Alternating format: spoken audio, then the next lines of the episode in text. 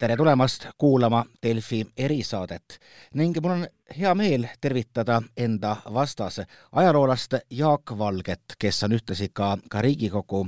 eh, liige. mina olen Krister Paris ja me räägime sellepärast, et noh, küllap olete ka tähele pannud, et meil on mõnikord eh, olnud võib-olla selle saadikurühmaga, mida esindab Jaak Valge, veidikene ka erinevad arusaamad sellest, eh, missugune peab olema Eesti elukorraldus ja, ja konkreetselt, mis praegu hoiab kõikidel niimoodi meeli ärevil ja üleval, on siis niinimetatud abielu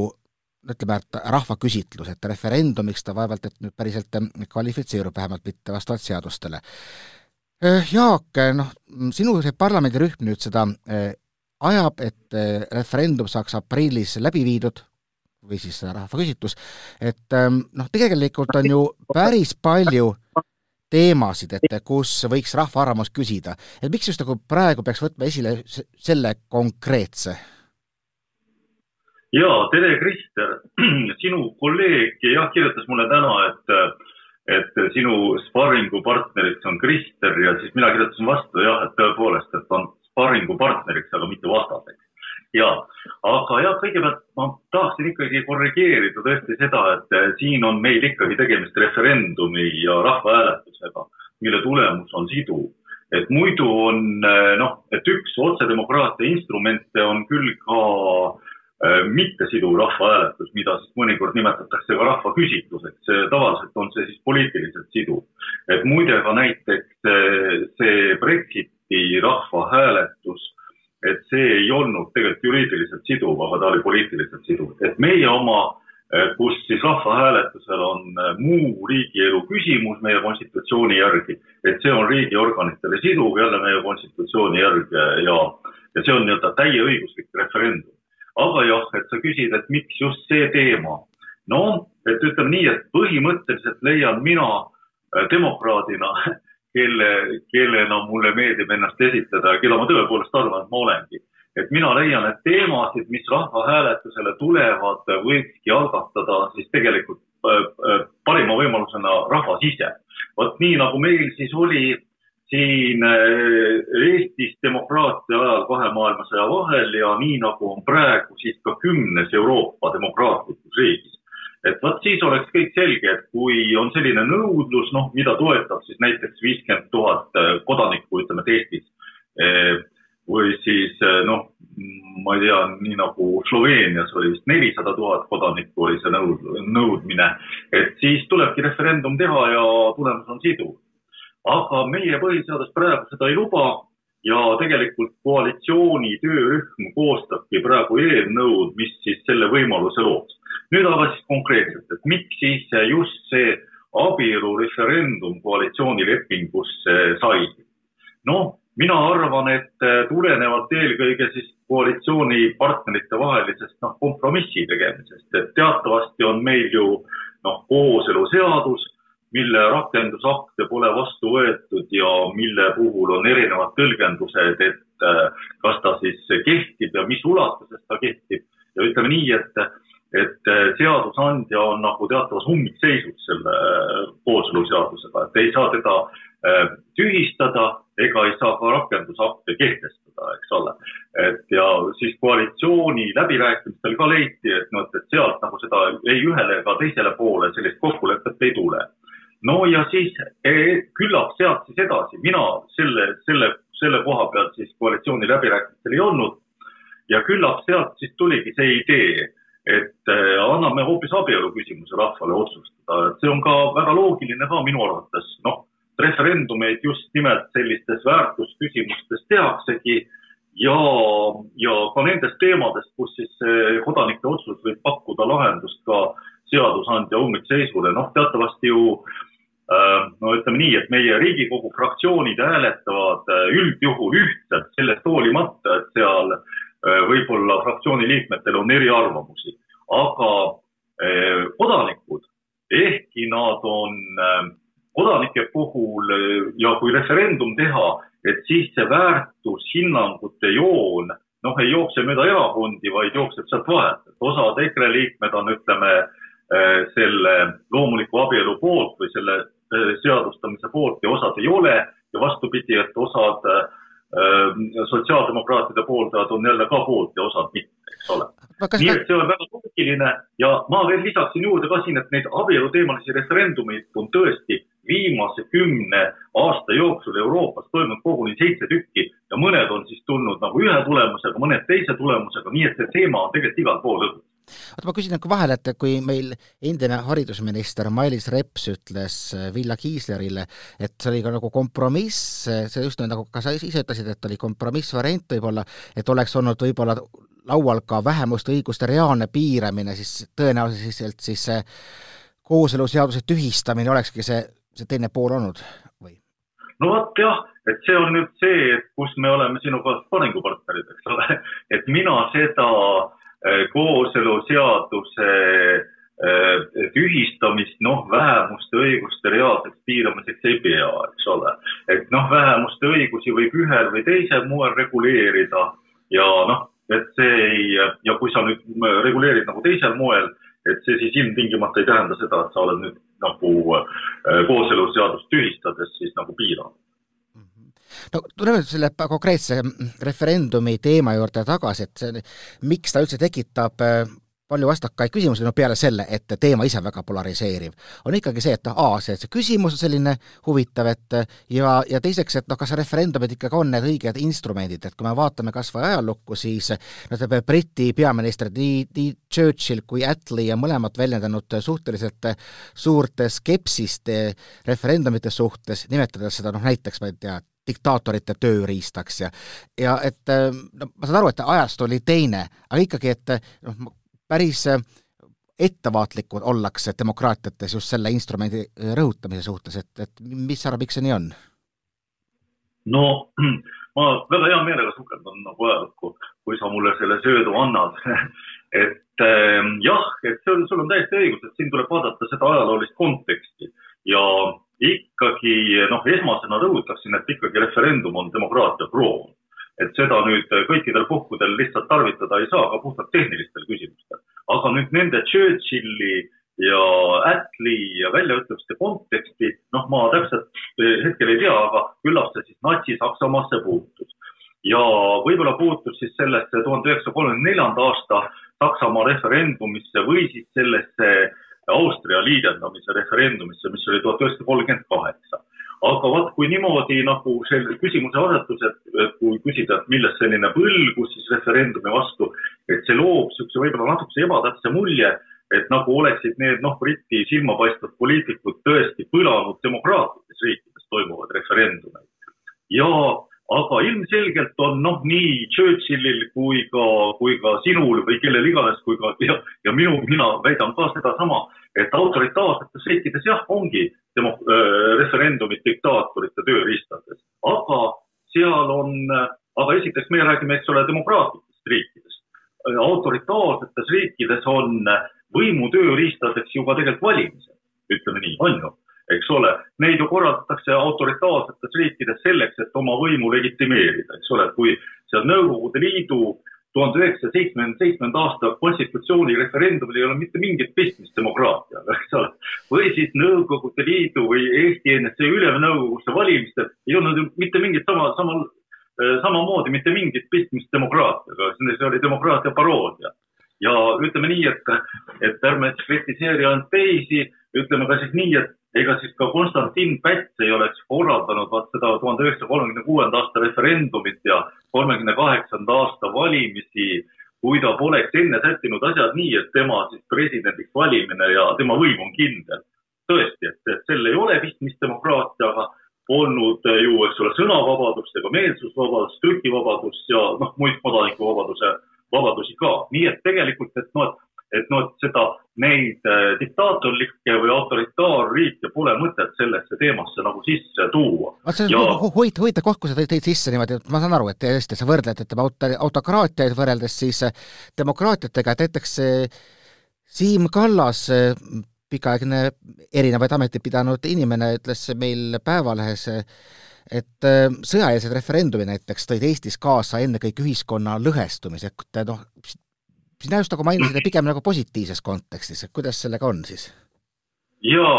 ja võib, võib-olla ma veel ütlen eh, korraks nagu seda abstraktset referendumite kohta seda, et ma tõesti ei tea maailmas ühtegi riiki, kus referendumiga oleks mindud üle demokraatiat diktatuurile. ma tõesti ei tea. Et võib-olla seal mingi kusagil poole peal, seal kusagil Ladina-Ameerikas võib-olla võib olla või Aafrikas kahekümne sajandi teisel poolel, noh, kõiki neid juhtumeid ei tea. aga igatahes neid vastupidiseid näiteid on kümneid, kui mitte sadu mil siis referendumiga kehtestatakse ju demokraatia, eks ole. nii, aga ja Siim Kallas, et noh, ta on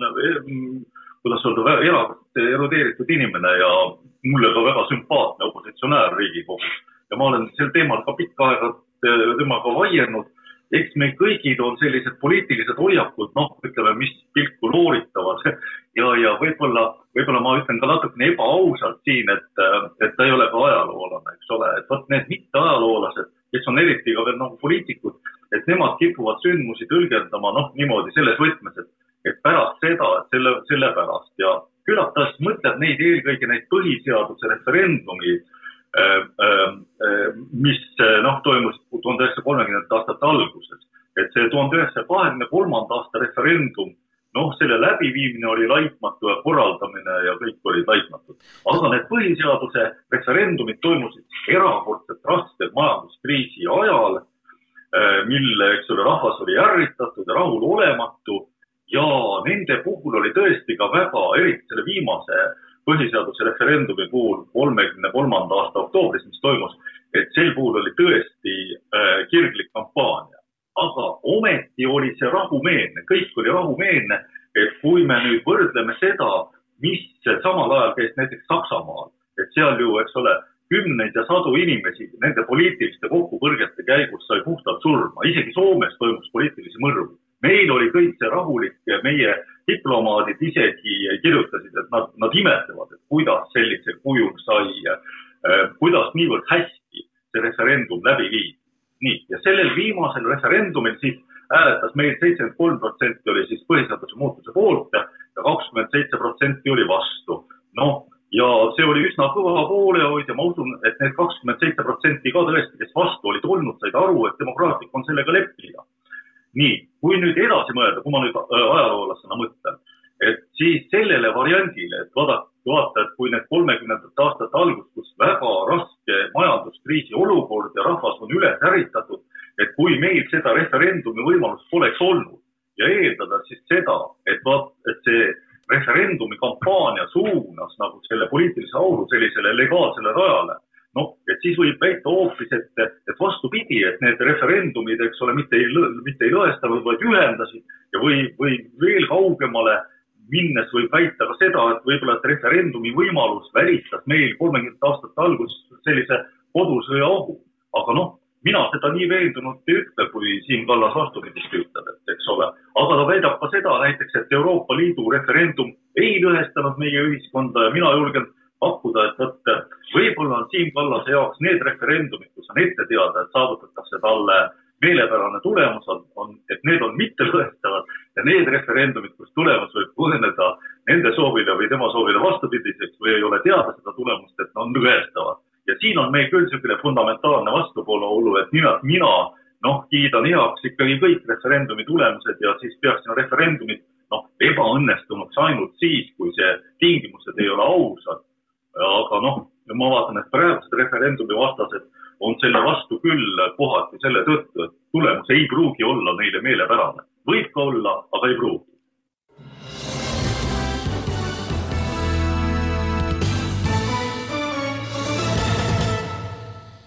Nonii, me Euroopa Liidu teemalisi referendumeid muidugi oleme näinud Euroopas mitmesuguseid, kus on tihti ka, kui rahva käest on saadud nii-öelda vale tulemus, küsitud uuesti, kuniks saadakse siis see, mis on äh, oli e-, eeldatav. aga jätame selle praegu kõrvale, võtame ikkagi nüüd konkreetselt siis selle Eesti, Eesti äh,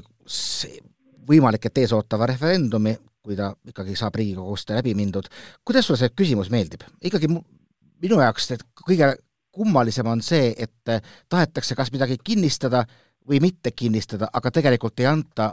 võimalust suunamuutuseks. Ehm, noh, Äh, kui sinu nüüd sellest viimasest äh, kahest sõnast kinni hakata, siis see võimalus suunamuutuseks antakse ju küll. et juhul, kui ei kinnistata, siis see ongi võimalus suunamuutuseks, eks ju. aga ja, et ma, kuidas mulle see küsimus meeldib, noh, et eks ta mm, äh, enam-vähem küsimus. peaasi, et, peaasi, et inimesed sellest aru saavad, eks ju, see on kõige olulisem, peaasi, et inimesed aru saavad. ja võib-olla võib-olla minu enda lemmikküsimus oleks olnud see, et kas Eesti Vabariik peaks tunnustama abielu üksnes mehe ja naise liiduna, noh, et see oleks selles mõttes natuke, see oleks tähendanud ka seda, et välisriikides sõlmitud geipaaride abielud ei oleks olnud siis Eestis kehtivad, aga, aga ma ei tea, et mul, ütleme, et olen selle, olen sellega ka igati rahul, jah. ja et ma arvan nüüd niimoodi, et kui, kui see vastus tuleb jah selles referendumil, et siis on tõesti, et, et siis äh, abielu käsitletaksegi edaspidi siis üksnes mehe ja naise liiduna ja nii kaua, kuni siis sellel teemal ei tule uut referendumit, siis mil rahva arvamus selle äh, noh, ümber peaks lükkama, et siis parlamendi enamusega seda küsimust teisele poole otsustada ei saa. kui tuleb ei vastus, noh, et siis on tegelikult on lahti kõik võimalused siis selle küsimuse ähm, äh, teiseks või te, teistsuguseks käsitluseks, aga need, aga need, aga see teine äh, võimalus, et äh, kas siis kooseluseaduse rakendusaktide heakskiitmine või midagi muud või mingisuguse uue seaduse toomine, mis siis pakuks äh, äh, siis geipaaridele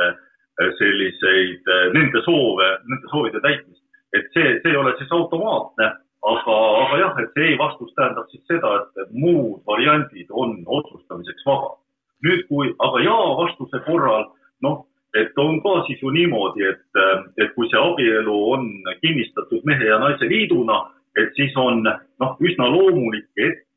ka nendele geipaaridele, kelle noh, võib-olla kelle kindlustunne saab häiritud, et sellele mingil moel pakutakse kindlustunnet edasi. no kui pikaks sellised referendumid peaks midagi lukku panema. no kui ma enne tõin näited needsamadest Euroopa Liidu referendumitest, no kas või Taanis üheksakümmend kaks, siis no tuli üsna ruttu, küsi-, küsiti uuesti, et olete te ikkagi päris kindlad selles, aga ütleme ka ikkagi noh, kui seesama jah-vastus tuleb, et, et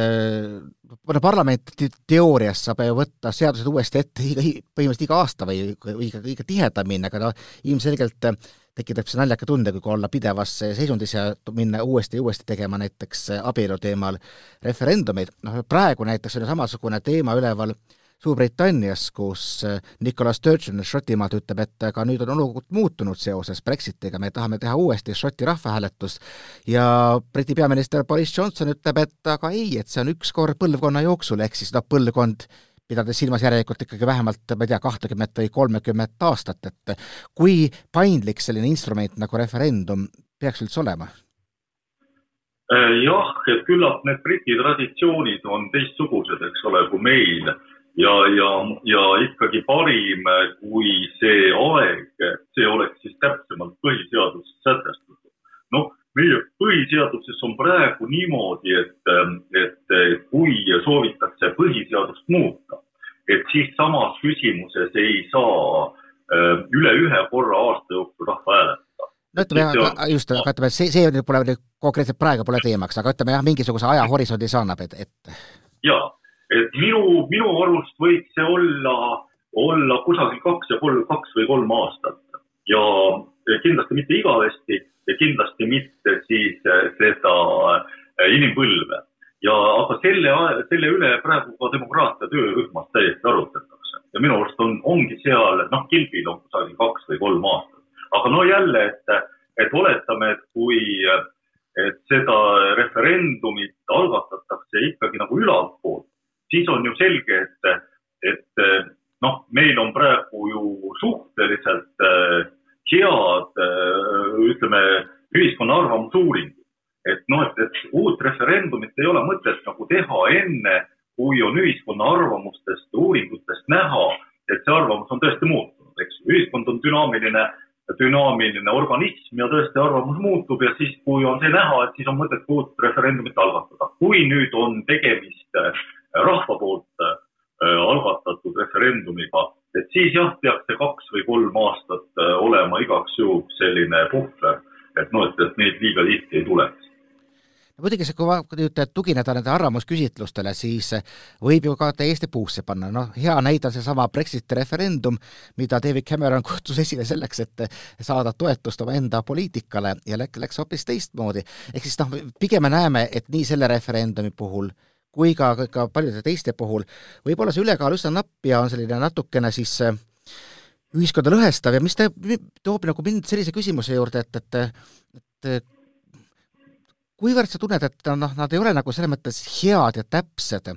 ikkagi selle rahva tahte vormijad, et, et kui sa alguses tõid näite, et võiks olla ikkagi ideaalis see, et, et rahvas ise tõstab, tõstatab küsimuse ja esitab selle, siis noh, praegu ikkagi on see, et keegi kuskil selle küsimuse formuleerib ja sa pead nagu leppima sellega, et, et noh, põhimõtteliselt nagu ei ole väga selle poolt, aga noh, pigem jah, ja siis annan jah ja siis nagu läheb nii-öelda binaarselt, tuleb kas üks või, üks või teine pool. no samas, kui ütleme, parlamendis esindusdemokraatias läheb ta komisjonidesse, seda arutatakse ja isegi kui on koalitsiooni tugev toetus, siis ikkagi võidakse seda mõnevõrra